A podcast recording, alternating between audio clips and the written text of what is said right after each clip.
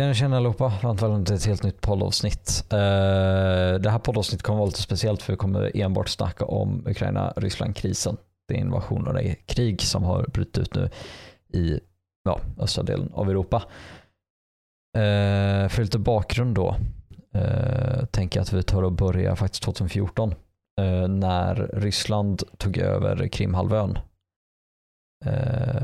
Ja, Hypeman, du känner till lite mer om det här. Ja, jag skulle egentligen vilja ta det lite längre tillbaka till november 2013. Eh, också, förlåt att det här blir ett så seriöst avsnitt egentligen, men ja, det är, det är en ganska allvarlig situation. I alla fall, eh, den 21 november 2013 så började någonting som hette Euromaidan, eh, vilket var en slags stor protest i Ukraina. Eh, specifikt i Kiev. Eh, det var nämligen så att den dåvarande eh, presidenten, antar jag, de har, Um, hette Viktor Janukovic och han var ganska korrupt och väldigt ryssvänlig. Till skillnad från resten av Ukraina som eh, ville eh, närma sig Europa. Förtydligande. Eh, västra Ukraina eh, ville eh, närma sig Europa. Östra Ukraina eh, var fortfarande väldigt ryssvänliga. Mm. Att Ja, det är relevant. Ehm, men ehm, de blev väldigt arga på honom när eh, han gick emot majoriteten av befolkningen och eh, tog sig ur ett, en, en, eh, en alltså han, han tog sig ur eh, ett, eh, en slags deal med Europeiska unionen. Eh, och då bröt större protester ut och eh, det, det eskalerade mer och mer och till slut slutade med att flera dödsfall skedde på eh, den civila sidan. Eh, och slutligen så tog Viktor Janukovic och eh, del av hans regering och flydde till Ryssland och tog med sig en massa pengar från den ukrainska statskassan också. och efter att de hade begått massmord och korruption och sånt trevligt. Mm. Ehm, och Tvättade efter... pengarna i Swedbank också. Härligt. I Sverige. Mysigt. Världens största tvättmaskin. Eh, och när alla hade sina ögon på att liksom försöka förstå vad det var som hände i eh, under den här händelsen. Eh, för att det, det var galet. Folk blev skjutna och sen sticker bara snubben. Då passar Ryssland och Putin på att annektera Krimhalvön.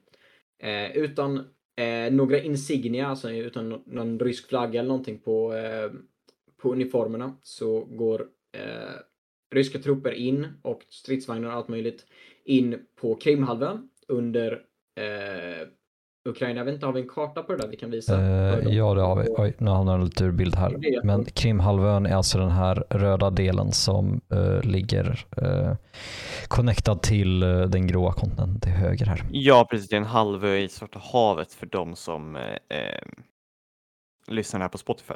Ja. Som alltså ligger i, i södra Ukraina. Och den har tillhört Ukraina ja, sedan 90-talet när de bröt sig fria. Eh, och det har bott eh, en del ryssar där, det har också bott ukrainska personer eh, där. Och eh, Ryssland påstod att det här tillhörde eh, dem och inte Ukraina och gick in där. Eh, ut, utan insignia som sagt. Eh, de visade inte att de var ryssar men alla visste att ja, det här är ju ryssarna obviously. Speciellt eftersom de pratar ryska och kommer från Ryssland och allt möjligt. Eh, och sen efter det så fanns de här två regioner i Donbassregionen. Eller två delar av Donbassregionen. Luhansk och Donetsk. Som ni kanske har hört om. Eh, de eh, bröt sig fria. Det skapades två slags utbrytarrepubliker, separatistrepubliker. Eh, som stöddes av ryssarna. De var ryssvänliga. Eh, för att den östra delen av Ukraina är just väldigt... Eh, det finns mycket etniska ryssar där. Eh, och krig bröt ut.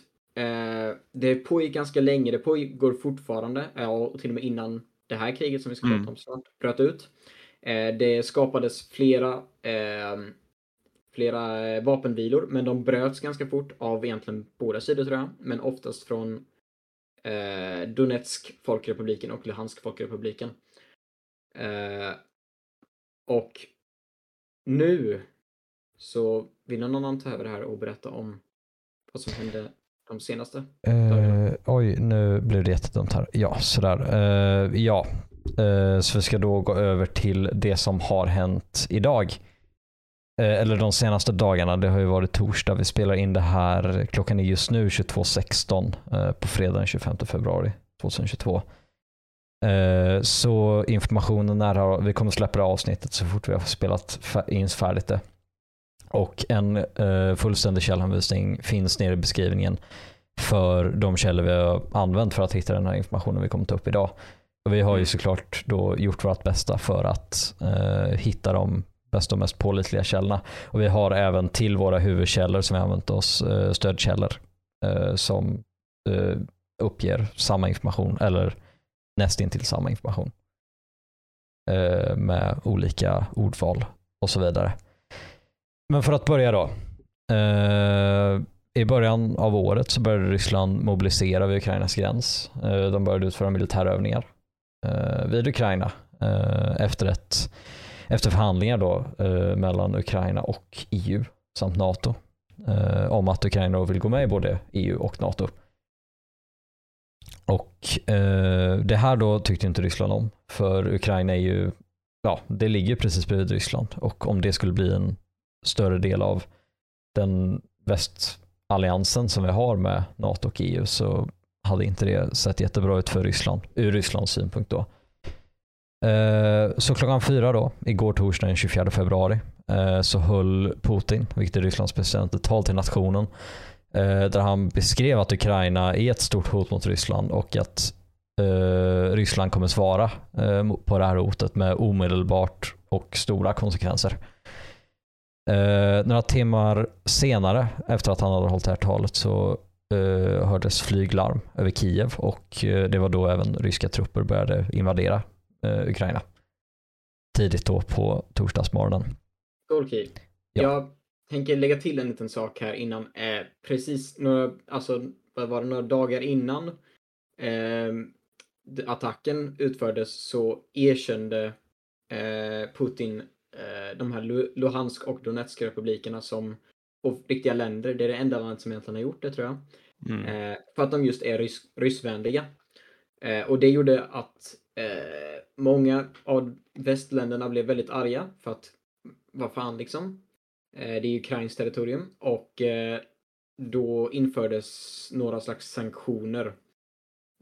jag tror inte de var jättestora, men det var åtminstone några sanktioner som infördes på grund av att de erkände eh, där EU införde sitt första sanktionspaket så var det. På grund av att de erkände de här eh, territorierna. Ja, precis. Det var väldigt bra inlägg. Eh, om ni kollar i extra kamerarutan för er som kollar på YouTube så kan ni se den röda delen här till, på högersidan av Ukraina eh, är då ungefär där Donetsk och Lutensk eh, mm. regionerna ligger. Jag kan eh, också säga att om det är folk som är intresserade av mer av den här tidigare händelserna om just Krimannekteringen eh, och um, kriget i Donbass så skulle jag rekommendera en serie på Youtube som heter uh, Russian Roulette av Vice News från 2014-2015. Uh, eh, för där, där har de uh, personer som är där och filmar och man får se just hur hemskt kriget var där. Och det är också lite backstory till vad som händer nu. Ja, så big recommendation på det alltså. Uh, men vidare då. Uh, kvart över tio på torsdagen så höll vår egen statsminister Magdalena Andersson ett tal uh, där hon då fördömer Rysslands agerande och sen klockan 12 så gör Boris Johnson, vilket är Storbritanniens premiärminister, samma sak. senare vidare vid 12.25 så håller även NATO-chefen Jens Stoltenberg en presskonferens där han då ja, tar upp den här situationen då i öppet ljus för NATO-alliansen eh, för första gången eh, under den här krisen. Eh, under torsdags eftermiddagen också så börjar många videor framkomma av eh, folk i Ukraina då, och speciellt städer som Kiev eh, där de behöver söka skydd i tunnelbanan för att det är stora bombningar som sker ovanpå ytan av staden. Eh, jag skulle absolut rekommendera att ni som lyssnar eller kollar på det här eh, tar och eh, går in på sidor som SVT, Dagens Nyheter, Göteborgs-Posten om man bor i Göteborg, för det finns väldigt mycket bilder på just hur Kiev ser ut i nuläget. Och det, det sätter verkligen ett helt annat perspektiv på hela situationen. Mm, också överhuvudtaget att se till att hålla koll på nyheterna just nu. Ja. Det är väldigt, väldigt viktigt att vi sprider rätt information i det här. Eh, det finns väldigt många parter som kan vilja sprida desinformation så det är väldigt viktigt att ni har eh, ordentlig källkritik eh, i det här. Eh, och därför rekommenderar vi verkligen starkt SVT som huvudkälla för Mm. allt ni läser. Ja, och där kan ni även kolla in MSBs påminnelselista om källkritik. Om ni är osäkra på hur ni kan avgöra om en källa är bra eller inte. Eh, Vid halv två på dagen så kommer även Ukrainas president då eh, ut eh, med ett tal eh, där han då ber om assistans eh, från resten av världen i den här krisen. Och jag, jag har själv kollat på det talet och det var jävligt tufft att kolla på. Om man ska säga. För det, han har verkligen blivit satt i en situation nu där eh, ja, det är väldigt pressat läge och när närliggande länder inte vill, typ som Tyskland, eh, inte vill hamna i eh, konflikter med Ryssland eh, så är det väldigt svårt för övriga Europa att ja, ge ett stöd på ett sätt som inte pajar deras egna relationer med den ryska staten. Då. Eh, klockan 17 så ockuperade även ryska trupper flygbasen Gostomel eh, som ligger då nordväst om Kiev. Och det är även först då som man Eh, eller som eh, ryska trupper börjar närma sig Kiev i en storskalig form. Ni kan även se här på kartan i extra kameran att det som är den övre delen eh, med väldigt mycket prickar är då huvudstaden Kiev och där kan man även se hur de ryska trupperna började avancera in från då Vitryssland eh, framförallt och den ryska gränsen som ja, ligger där. Eh, vid 1947 så kom även det svenska migrationsverket ut och meddelade att Sverige nu har stoppat alla utvisningar till Ukraina. Eh, vilket då betyder att om du som flykting har kommit till Sverige eller kommer komma till Sverige eh, och inte har giltigt asyl så kommer vi inte utvisa dig utan du kommer få tillfälligt uppehållstillstånd här tills ja, situationen har blivit bättre. Och då ska det också läggas till att eh, de som har blivit utvisade, grejen är att du behöver inte ett visum för att vistas i Sverige. Eh, om, du, eh, om du är från Ukraina eftersom att det ingår i någon form eh, av överenskommelse med EU, eh, skulle jag i alla fall gissa. Ehm, men eh, det finns fortfarande chans att utvisas i och med att du faktiskt måste eh, ha arbetstillstånd och så vidare. Ja. Men det är möjligt, eller det gör det lättare för flyktingar eh, från Ukraina att ta sig runt i EU, vilket eh, jag skulle säga att är en väldigt bra sak. Eh, det kommer att underlätta enormt. Ja, Jag tänker att det här är slutet på den första dagen va? Enligt vad vi har skrivit i alla fall. Ja exakt. Jag, jag kommer slå ihop det lite nu med att källan då Yes. för den här texten är TV4. De hade en väldigt bra tidslinje eh, som jag använde mig av när jag gjorde eh, Eh, när jag tog informationen för det här segmentet och stödkällor till det här är DNGP, eh, BBC och SVT. Och de här länkarna finns då nere i beskrivningen eh, kategoriserade enligt dag för källorna i det här segmentet. Men jag tänker flika in lite med de här sanktionerna som har rullat in. Först 18.09 rapporterar SVT att det Europeiska rådet kom överens om ytterligare begränsningsåtgärder eh, som skulle innebära allvarliga kon- konsekvenser för Ryssland, säger SVT då. Eh, EU-rådet ansöker även om att eh, förbereda ett sanktionspaket som ska täcka Belarus, eh, meddelar Reuters som hänvisar till ett, till ett slut slutsatsutkast från EU. Ehm, för Belarus har ju eh, ryska trupper tagit sig igenom för att ta sig fram till Kiev, eller närheten av Kiev. För att det är den, den snabbaste vägen till huvudstaden. Ja. Mm. Eh, sen 1824 så rapporterar SVT igen att Storbritannien inför ytterligare sanktioner eh, på Ryssland. Eh, igen, Reuters rapporterar att sanktionerna riktas mot en bank, flera oligarker, eller oligarker, som eh, eh, har väldigt mycket, det är en slags elit som har mycket makt i Ryssland. Och mycket, mycket jävla pengar också. Och andra ryssar. Det ska röra sig totalt om eh, 100 personer och företag.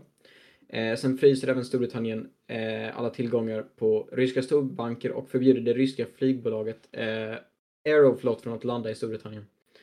Eh, Boris Johnson, den brittiska premiärministern, vill även stänga ute Ryssland ur eh, ett internationellt finansiellt transaktionssystem som heter Swift och införa en, en, eh, en rad sanktioner mot Belarus. Och det här Swift kommer vi komma tillbaka till en hel del.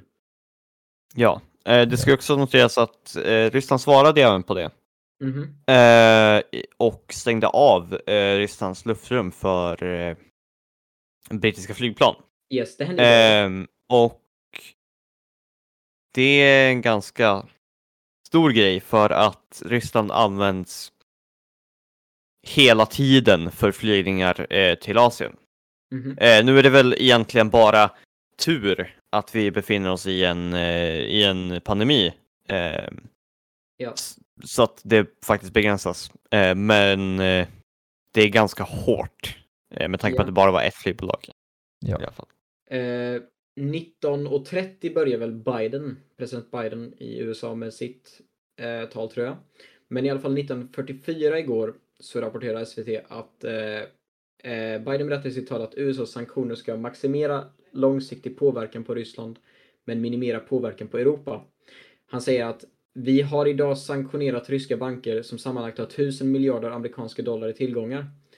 Eh, senare fick han frågor om varför USA inte velat utesluta Ryssland ur Swift, som vi kommer tillbaka till här, eh, samt varför inga sanktioner infördes direkt mot Putin. Eh, och då svarar han, för det första, sanktionerna vi inför ger samma eller större konsekvenser än att utesluta Ryssland ur Swift. För det andra så är det inte den vägen resten av Europa vill ha. Han tillägger att man planerar att stoppa mer än hälften av Rysslands högteknologiska importer. Eh, en till uppdatering från SVT kommer 21.17. Eh, Associated Press uppger att EUs ledare är eniga om att införa nya sanktioner mot Ryssland med, inom, med inom citattecken, massiva och allvarliga konsekvenser. Sanktionerna kommer slå hårt mot Rysslands finans-, energi och transportsektor. Eh, svartlistning av ryssar och begränsningar av export, exporter kommer även införas enligt ett uttalande från Europeiska rådet. Detaljer om vem och vad som sanktionerna gäller har inte framkommit ännu, meddelar- TT. Eh, EU diskuterar även om Ryssland ska uteslutas ur det internationella finanssystemet Swift igen. Eh, på fredagen ska EUs eh, utrikesministrar mötas och fatta ett formellt beslut om sanktionerna. Ja, eh, och jag tänker då för att klargöra då så är ju en sanktion då en sorts av eh, bestraffning eh, för att man har, för att ett land då har brutit mot en internationell lag eller regel. Mm. I kortfattade termer då. Om ni vill veta mer om sanktioner så finns det många bra sidor som kan förklara det på ett bättre sätt här. Men kortfattat så är det ett straff då som man ger Ryssland för att de just har invaderat Ukraina. Eh, som då ska ha både ekonomiska och eh, politiska eh, konsekvenser inom landet som då blir träffat av sanktioner. Vi kommer nu gå in mer på det som har hänt idag, fredag den 25 februari 2022. Eh, och klockan ja, i princip fem i morse så tweetade Ukrainas president ut Eh, och bekräftar då att robotattacker har införts eh, i Kiev och andra delar av Ryssland mot både civila och militära mål. Eh, en kort tid efter att den här tweeten då har kommit ut så varnade presidenten även att ryska trupper har börjat närma sig Kiev. Och detta kan ni då läsa mer på DN Eh, som då finns länkad nedanför. Eh, klockan 10.54 så meddelar skribenten Carl Bolinder att UEFA, vilket då är Union of European Football Association, eh, har tagit beslut att Champions League-finalen då inte kommer hållas i Sankt Petersburg, Ryssland, utan att den istället kommer att hållas i Frankrike. Vilket då är ja, ett vidare, en vidare föring för att Ryssland då har startat det här kriget. Eh, FN meddelar även på förmiddagen att runt 100 civila har dödats eh, i invasionen eh, hittills. Och det här är då tidig förmiddag, så mellan 11 och 13 ungefär. Eh, vid 11.30-tiden så meddelar nyhetssidan AFP på Twitter att Ryssland då är redo att förhandla eh, om läget i Ukraina så länge Ukraina lägger ner alla sina vapen och inte gör något eh, mer motstånd. Eh, jag tänker flika in här med en, liten till grej. Det var nämligen så att eh, efter ett möte med EU-ländernas stats och regeringschefer som avslutades runt 02.30 eh, natten på, eller morgonen på fredagen då egentligen, eh, centraleuropeisk tid, så har EU kommit fram till ett nytt sanktionspaket. Eh, detta kommer få maximal påverkan på den ryska ekonomin och den politiska eliten, säger von der Leyen, eh, som är, eh, vad är hon för någonting nu än? Hon är väl Eh, någon sorts eh, ordförande, chef, eh, direktör för eh, EU i alla någon fall. Ursula von, der, Ursula von der Leyen kan ni söka upp. Jag kan, jag kan kolla upp det bara för det. Fortsätt prata. Ja, gör det. Eh, detaljerna ska finslipas av EU-länder under dagen. Eh, och hon säger, eh, ledarnas eh, i ett gemensamt uttalande från toppmötet säger att de här sanktionerna omfattar finans, energi och transportsektorerna, liksom exportkontroll och exportfinansiering, visapolitik och ytterligare listningar av ryska individer. Eh, och eh, senare här på dagen så eh, rapporterar AFP att Ryssland förbjuder alla flyg med kopplingar till Storbritannien. Mm. Eh, så ja, Eh, hon är eh, ordförande för Europeiska kommissionen. så är det.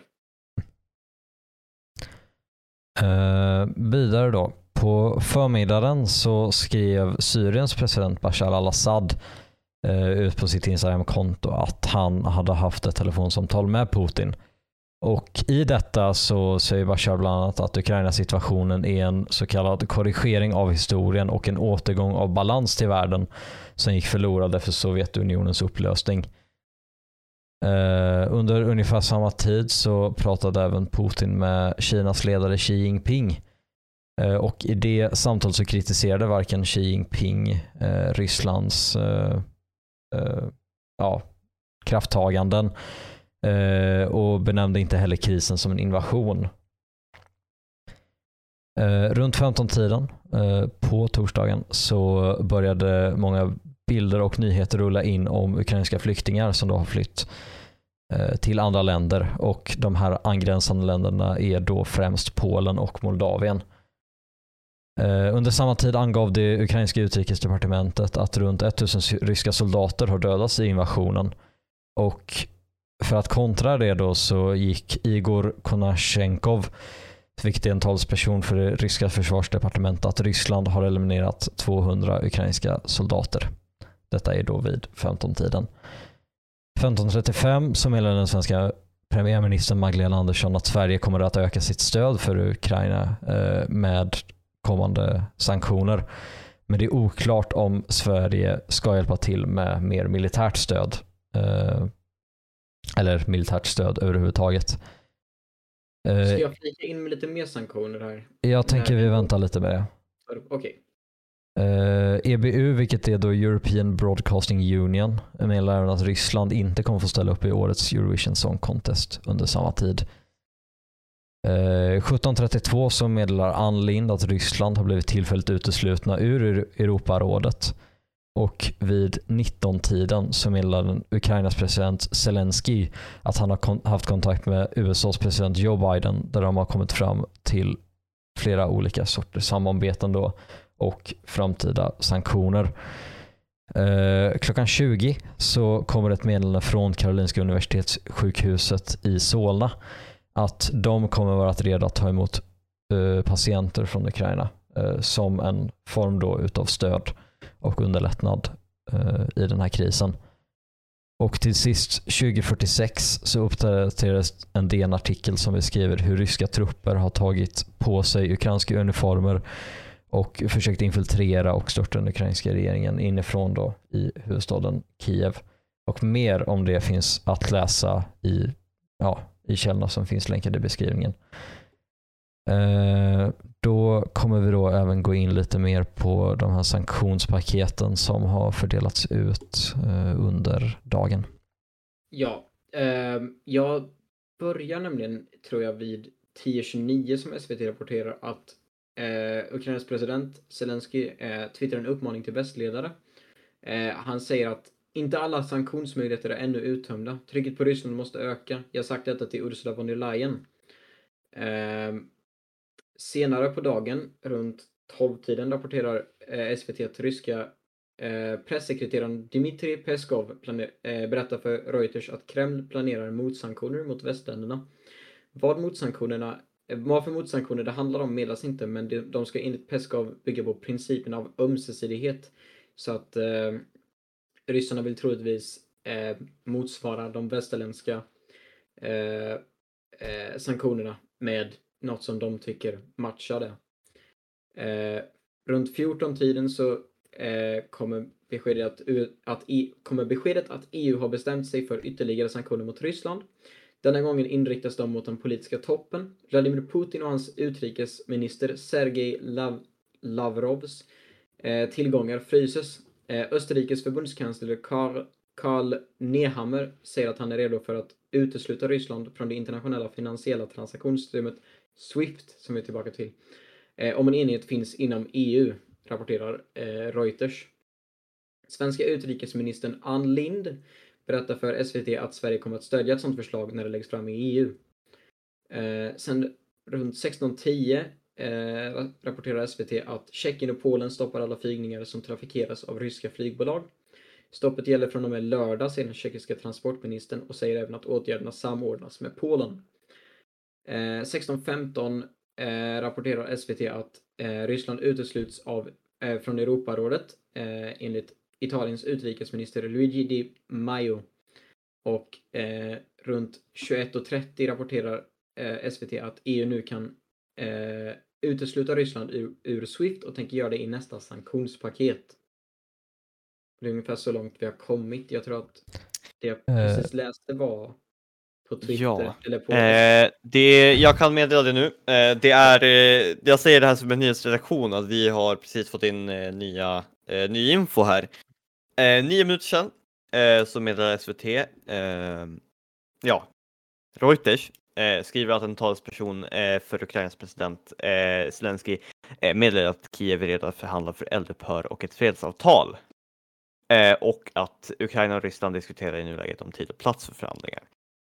Eh, och detta är ju väldigt intressant. Eh, vi kommer gå in mer på eh, lite mer analyser, teorier och så vidare lite senare. Ehm, men först så kan vi kanske berätta vad Swift är för någonting. Det har vi väl inte gått in Nej, på. Det det är väl ett stort... Uh... Alltså det är helt enkelt så, så, det är ett transaktionssystem över hela världen i princip.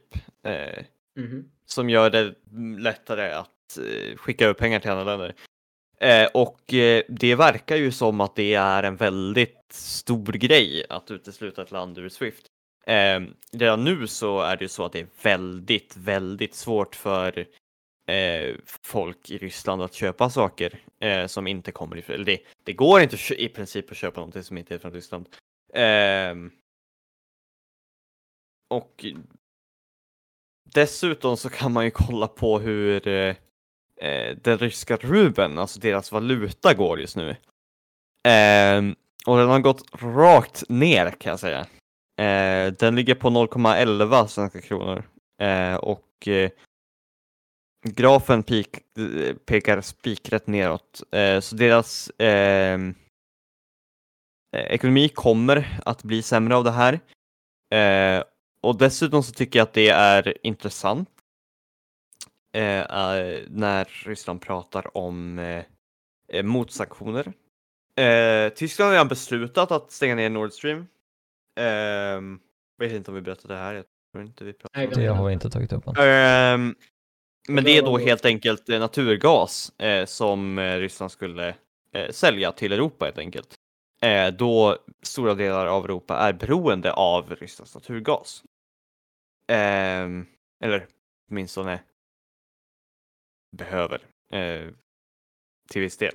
Ehm, och jag tänker bara, vad har de att erbjuda andra delar av världen som den andra delen av världen inte kan producera själv? Eh, det är självklart att Ryssland inte har allt. Men resterande av världen borde ju ändå ha nog mycket för att kunna klara sig väldigt bra. Eh, så jag tycker att det känns väldigt svårt för Ryssland att faktiskt sätta upp sanktioner som eh, kan bli riktigt svåra för andra delar av världen. Eh, jag tror bara att det mer är av en alltså, propaganda eh, grej egentligen. För att det är ju jätteudda eh, hur de ska lyckas med något sånt. Det, det är förmodligen mer av en, alltså någon sorts symbolik att det är liksom vi, vi kan göra det här och vi tänker göra det medan Mm. eh, det inte har någon större inverkan egentligen på eh, ja, på resten av världen helt enkelt. Ja, Eh, ehm, Jag tror det är mycket sånt. Alltså, ryssarna är lite körda. Alltså, det, det här är ingen, eh, inget land som liksom kan förhindra sitt folk från att få all information. Jag menar, massvis med information det har spridit till många. Det här är inte liksom så att hela befolkningen heller står på, det, på Putin-regimens sida heller. Utan nej gud nej. eh, många har... Putin är låg. ju- Ja, Eh, han har ser väl sin lägsta ja, stöd från befolkningen just nu liksom. För att de litar inte längre på honom och han har med, med tanke på var, var ekonomin ligger. Eh, den var redan låg innan den här krisen. Eh, och nu är den ännu värre liksom. mm. Så att förhoppningsvis så kanske det här är början på slutet för den här regimen. Ja, det här kan ju vara helt klart en vändpunkt i... Det här är nog helt säkert en vändpunkt i eh, Ryssland som ett land. Jag vet ju inte exakt på vilket sätt, men det, det här kommer helt klart ha långtida konsekvenser på både ekonomin och Ryssland som ett land i övrigt. Eh, jag tänker att det är viktigt att återigen upprepa att all den här informationen kommer från källor vi anser är eh, pålitliga. Eh, Vi har använt oss till en stor del av eh, källor som Dagens Nyheter, SVT, eh, BBC, vilket är British Broadcasting vad är det? Channel. ja, Göteborgs-Posten, TV4 eh, och källor som det. Men om ni vill göra er egen research är det viktigt att ni är källkritiska. MSB har som sagt en väldigt bra eh, guide på Eh, grundläggande källkritik som kan vara väldigt bra att följa när man eh, eh gör sin egen eh, research helt enkelt. Mm. Eh, en annan sak som har hänt som vi inte har tagit med som är ganska stor för oss i Sverige eh, är att Ryssland har varnat eh, Sverige och Finland för att gå med i NATO. Och det kan få allvarliga militärpolitiska följder eh, som kräver svarsåtgärder eh, från Ryssland, eh, sa eh, Maria Sakarova som är talesperson för eh, det ryska utrikesministeriet. Eh, och eh, på det så svarade Sveriges statsminister eh, att det är Sverige som själva och självständigt beslutar om vår säkerhetspolitiska linje. Vilket är väldigt sant. Eh, och eh, det som kan bli intressant här är ju att ifall det skulle upptrappas mot Sverige så skulle det i så fall betyda att om man ska gå med i NATO, då måste det gå blixtsnabbt. Då måste det i princip vara gå in på kontoret, signa ett avtal klart. Eh, för att annars, det som, det som kan hända annars är att det blir som Ukraina. De närmar sig och sen så kommer Putin instormande. Eh, det man kan göra att om, man, om de i så fall är väldigt snabba eh, så skulle det i så fall innebära att de deklarerar krig mot NATO och det kommer ju Ryssland aldrig våga göra såklart.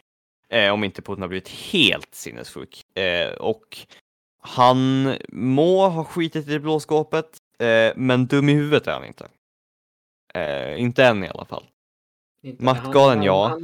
Eh, men han, han verkar ju helt klart närma sig det. Det verkar ha gått rakt neråt efter 2014.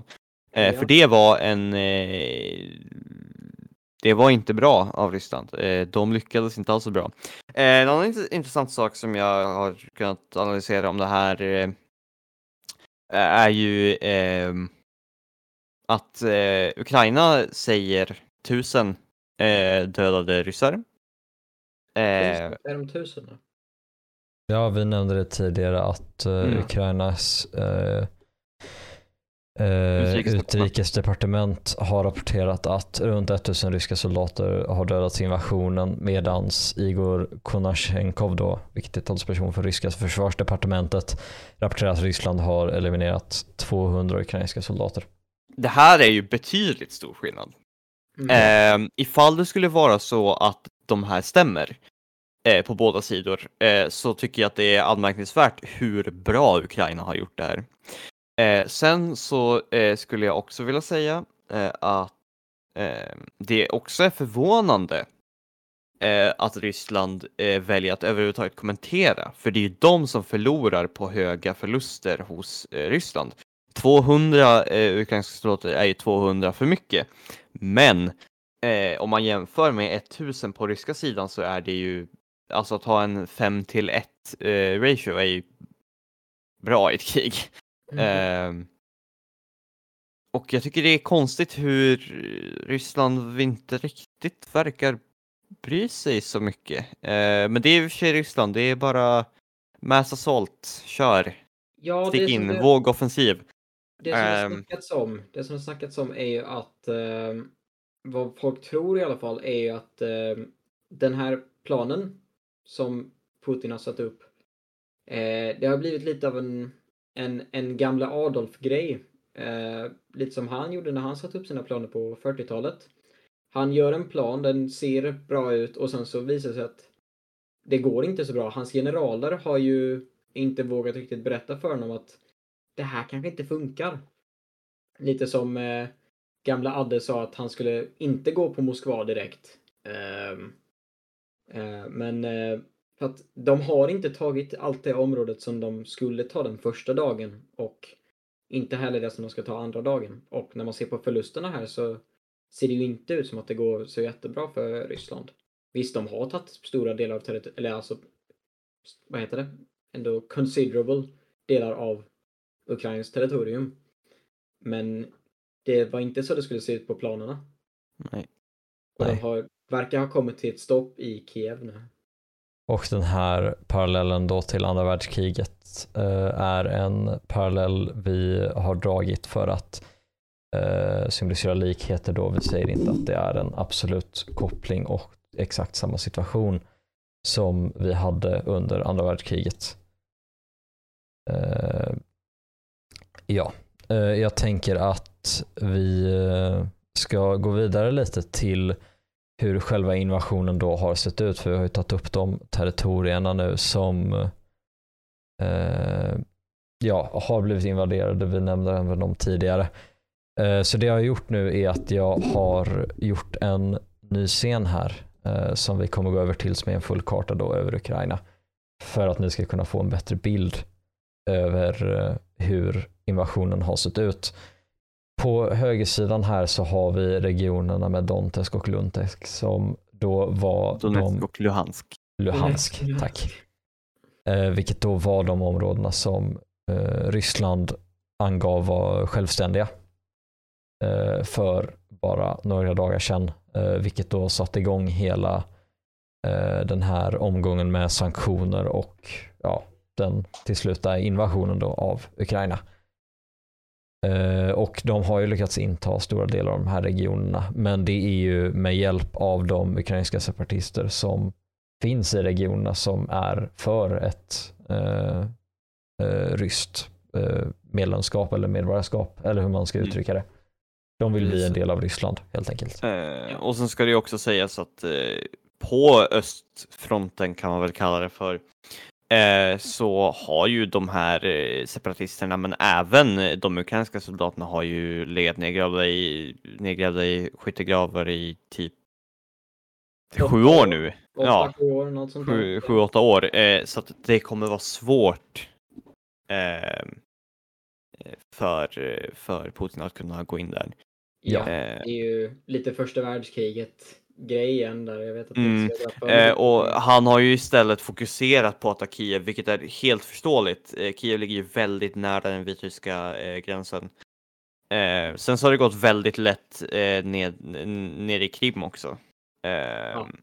Ja, Vilket det eh, vad, vad jag har hört från bland annat överbefälhavaren, eh, eller den tidigare överbefälhavaren som har analyserat det här, eh, så är det ganska udda av, av Ukraina att, eh, att basically inte ha något motstånd alls där. Eh, men det kan också vara så att det är en fälla eh, och att de vill, eftersom att eh, Krimhalvö, eh, Krimhalvön är så pass smal eh, vid, just vid mellan eh, Ukraina och eh, Krim så finns det ju stora möjligheter för att omringa styrkorna som har tagits in. Ja, men det återstår ju att se. Eh, annars så är det ju så att Kiev är ju huvudstad och huvudstad innebär ofta att om du har tagit huvudstaden så är det ganska kört. Eh, men eh, om man tänker ren landmassa så eh, ser det här ju inte så farligt ut än så länge eh, rent eh, geografiskt. Eh, Nej, och Nej. för att klargöra då så ligger Kiev vid den här stora eh, bollen då ovan eh, för landet vid sjön där det är väldigt mycket röda och Mm. gula prickar. Ja. Och där kan man även se eh, de röda områdena som sträcker sig från Vitryssland och även en liten del från eh, den vitryska ryska gränsen. De här explosionerna vi ser här också är ju, de indikerar ju var missiler har träffat eller bombningar har träffat och det är ju ända bort i Lviv i västra delen till, ja, i hela östra delen som vi kan se och speciellt i Kiev mm. där bombningar har förstört ett flertal städer. Eller stä- städer säger jag, eh, förstört ett flertal byggnader. Eh, något annat vi kan se också är ju att eh, ryssarna har tagit Tjernobyls kärnkraftverk. Eh, och de som arbetar med att, eh, med att se till så att radioaktiviteten inte sprider sig. Eh, för som ni vet kanske så var det ju en olycka där 1986 Eh, den värsta kärnkraftverksolyckan någonsin. Eh, och, eh, men de har tagit eh, arbetarna där till fånga. Nu påstår de att, att det ska vara under kontroll, men ja. Vi får se hur det egentligen ligger till där. Ja, eh, och vi kan även se här, eh, om ni kollar på den här kartan då på Youtube, kan ni se att i västra delen av Moldavien så är det ett eh, mer mörklila område vid det gråa och det här är då eh, området som är Transnistrien, vilket då är en så kallad, eh, ja, det, det har blivit benämnt som the last outpost of the Soviet Union, vilket då är ett eh, område i Moldavien som är för ett ryskt styre. Och eh, de har, Ryssland har även kunnat skicka in trupper eh, och eh, ha flygplan i det här, de här områdena. Mhm. Eh, Om Mm. vi kollar mer ner mot Krimhalvön så ser vi även att de har intagit en eh, lite större del av den södra delen än så länge, eh, precis vid landstigningen av Krimhalvön. Och även att det har skett bombningar vid kustlinjen. Ja, de har ju däremot inte nått eh, Melitopol. Jag vet inte, är det Melitopol som heter Mariupol också? Eller är det en separat stad? För jag vet att det har varit mycket stridande runt den staden. Ja, Eh, men att de inte har Eh. nått den än. Men Eh, situa- jag tänkte ju att, för att Ukrainas president Zelensky har ju hela tiden sagt att de ska inte lägga ner vapen, eh, det kör all out nu. Eh, shoot to kill. Eh, men nu så är det ju ändå så att de kommer att försöka gå in i fredsförhandlingar. Eh, andra intressanta om det är ju då vad kan eh, Ryssland kräva? Eh, det jag ser som troligast eh, är ju att de eh, vill ha en ny regering, en ryssvänlig regering. Det är väl det de har sagt också, eller att... Eh, Eh, och det de, vill, det de har sagt är ju då att den nuvarande är nazistisk, som står för massmord och så vidare, vilket är helt och hållet fel. Eh, jag har till och med sett eh, obekräftade källor om att Zelenskyj själv eh, hade varit jude. Eh, så att det, det stämmer ju såklart inte.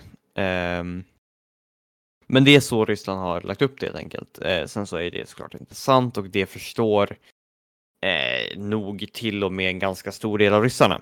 Eh, att så är det inte. Ehm, men om de skulle kräva det, vad skulle Ukraina svara?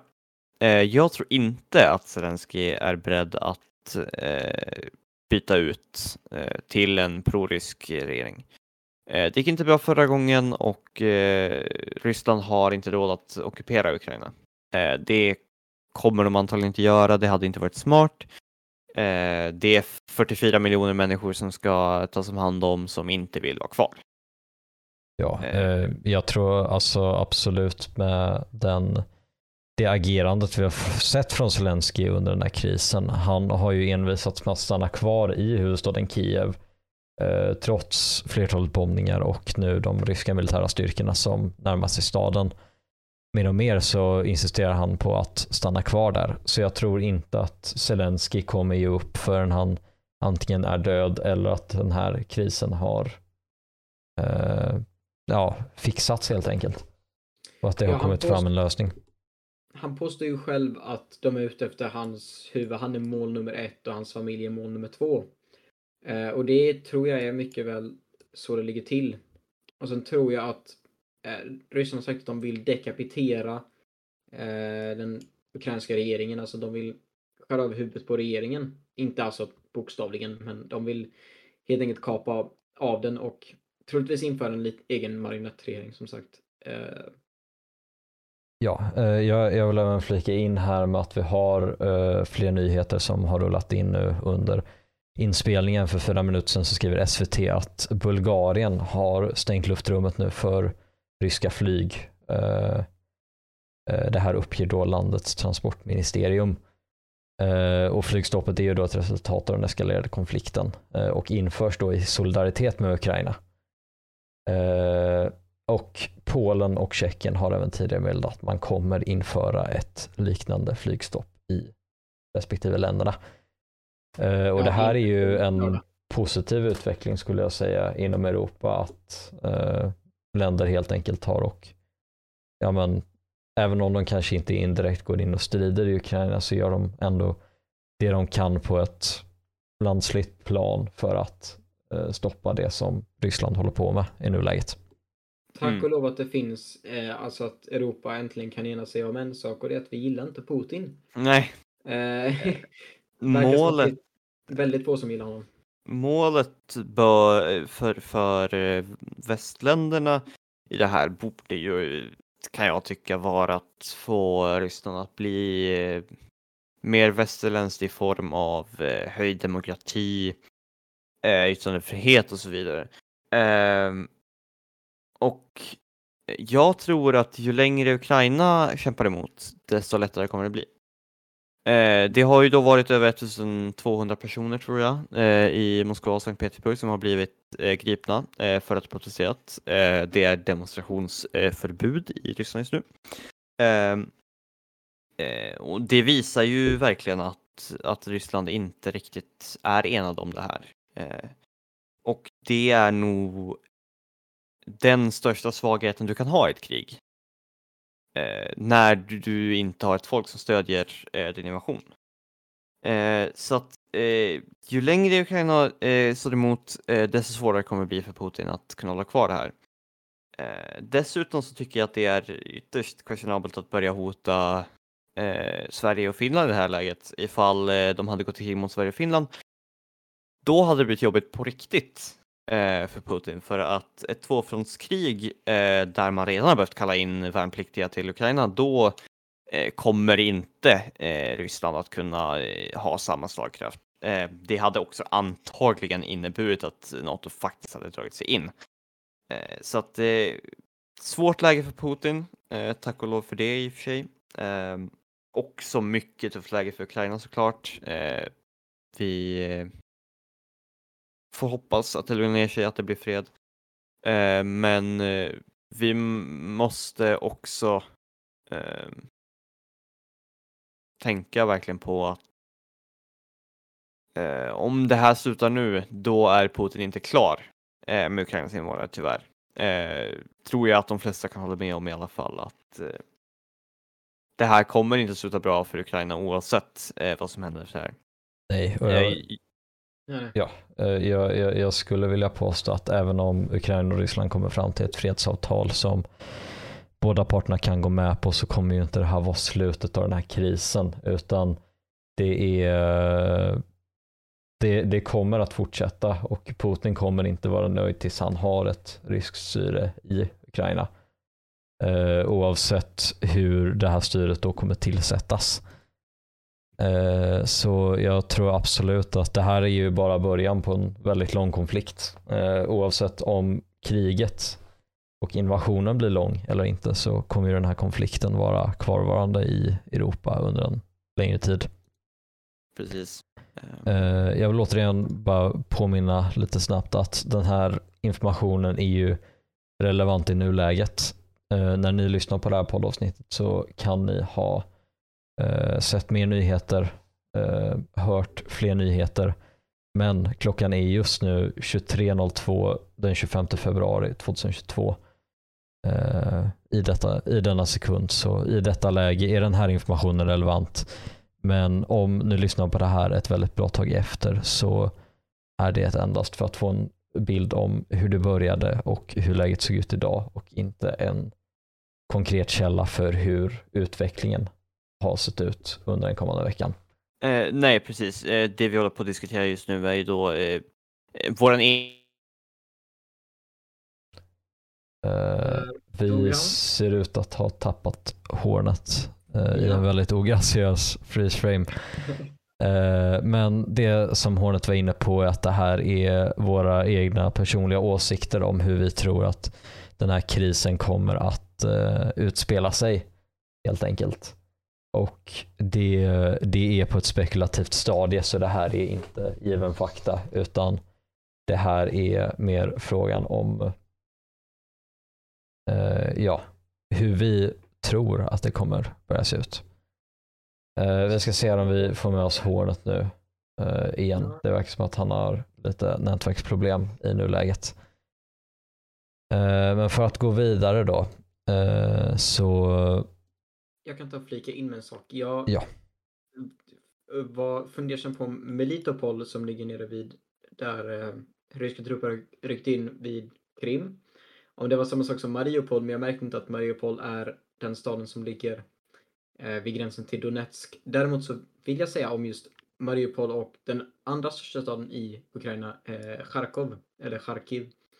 Eh, de städerna har hållit sig väldigt bra. Eh, det ser väldigt illa ut när man ser Kiev och att trupperna nästan är inne där.